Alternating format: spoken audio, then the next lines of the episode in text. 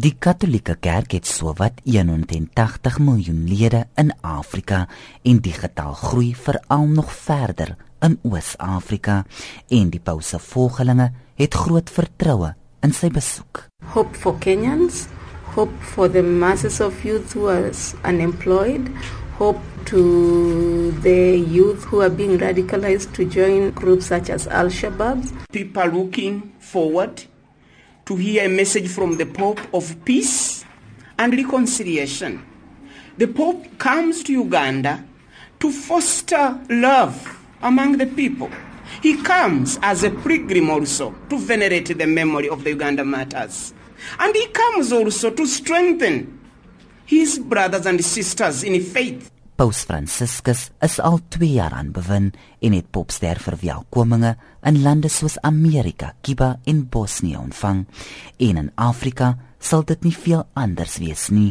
Die aartsbiskop van Pretoria, William Slattery, sê dit is die paus se man vir die mense agtergrond wat hom so gewild maak. As a cardinal and as a bishop of a city of 14 million people, nearly all Catholics, he took the transport. He lived in a simple room where he cooked for himself. So he knows the life of ordinary people. And he's always emphasizing that. Now, the other popes were very, very good people, but they were inclined to come out of a professorial, intellectual, academic background. They spoke things of tremendous significance for the world. But this man has drawn the attention of the world because the ordinary people feel here is a man of world significance who is able to speak with our voice. Kardinaal Wilfred Napier sê die paus breek weg van normale kerkkonvensies. He doesn't feel himself bound by the protocols, the right way to do things which a European uh, cardinal and a European pope would feel they are constrained to do. Secondly, he never had a, an office or a, a duty in Rome, so he's not constrained by the protocols of the Vatican either. And therefore, he's brought himself as he is, with what he, with what he gained, what he was given uh, in his ex- experience in Latin America, both in Argentina and in the Latin American Church. Paus Franciscus het groot kritiek binne die kerk ontvang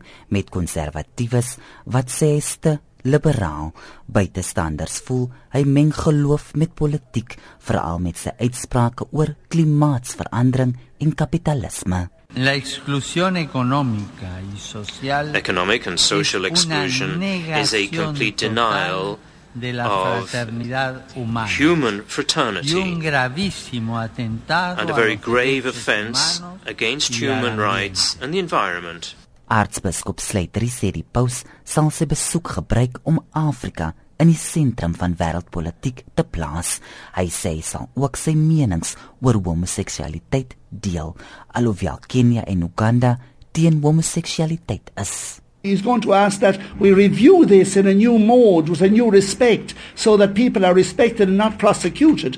And really, it's not really going to help a state to try and make laws to effect, uh, you know, against homosexuality. Die paus sal jong mense ontmoet as ook 'n openbare mis en 'n vergadering met leiers van verskeie geloofsgroepe hou in 'n poging om spanning te verlig te midde van terreuraanvalle van Al-Shabaab.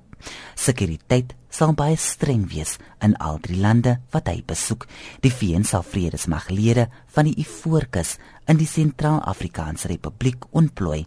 Die verslag van Maslatsi Gallens, Jean Estreisen, SABC nuus.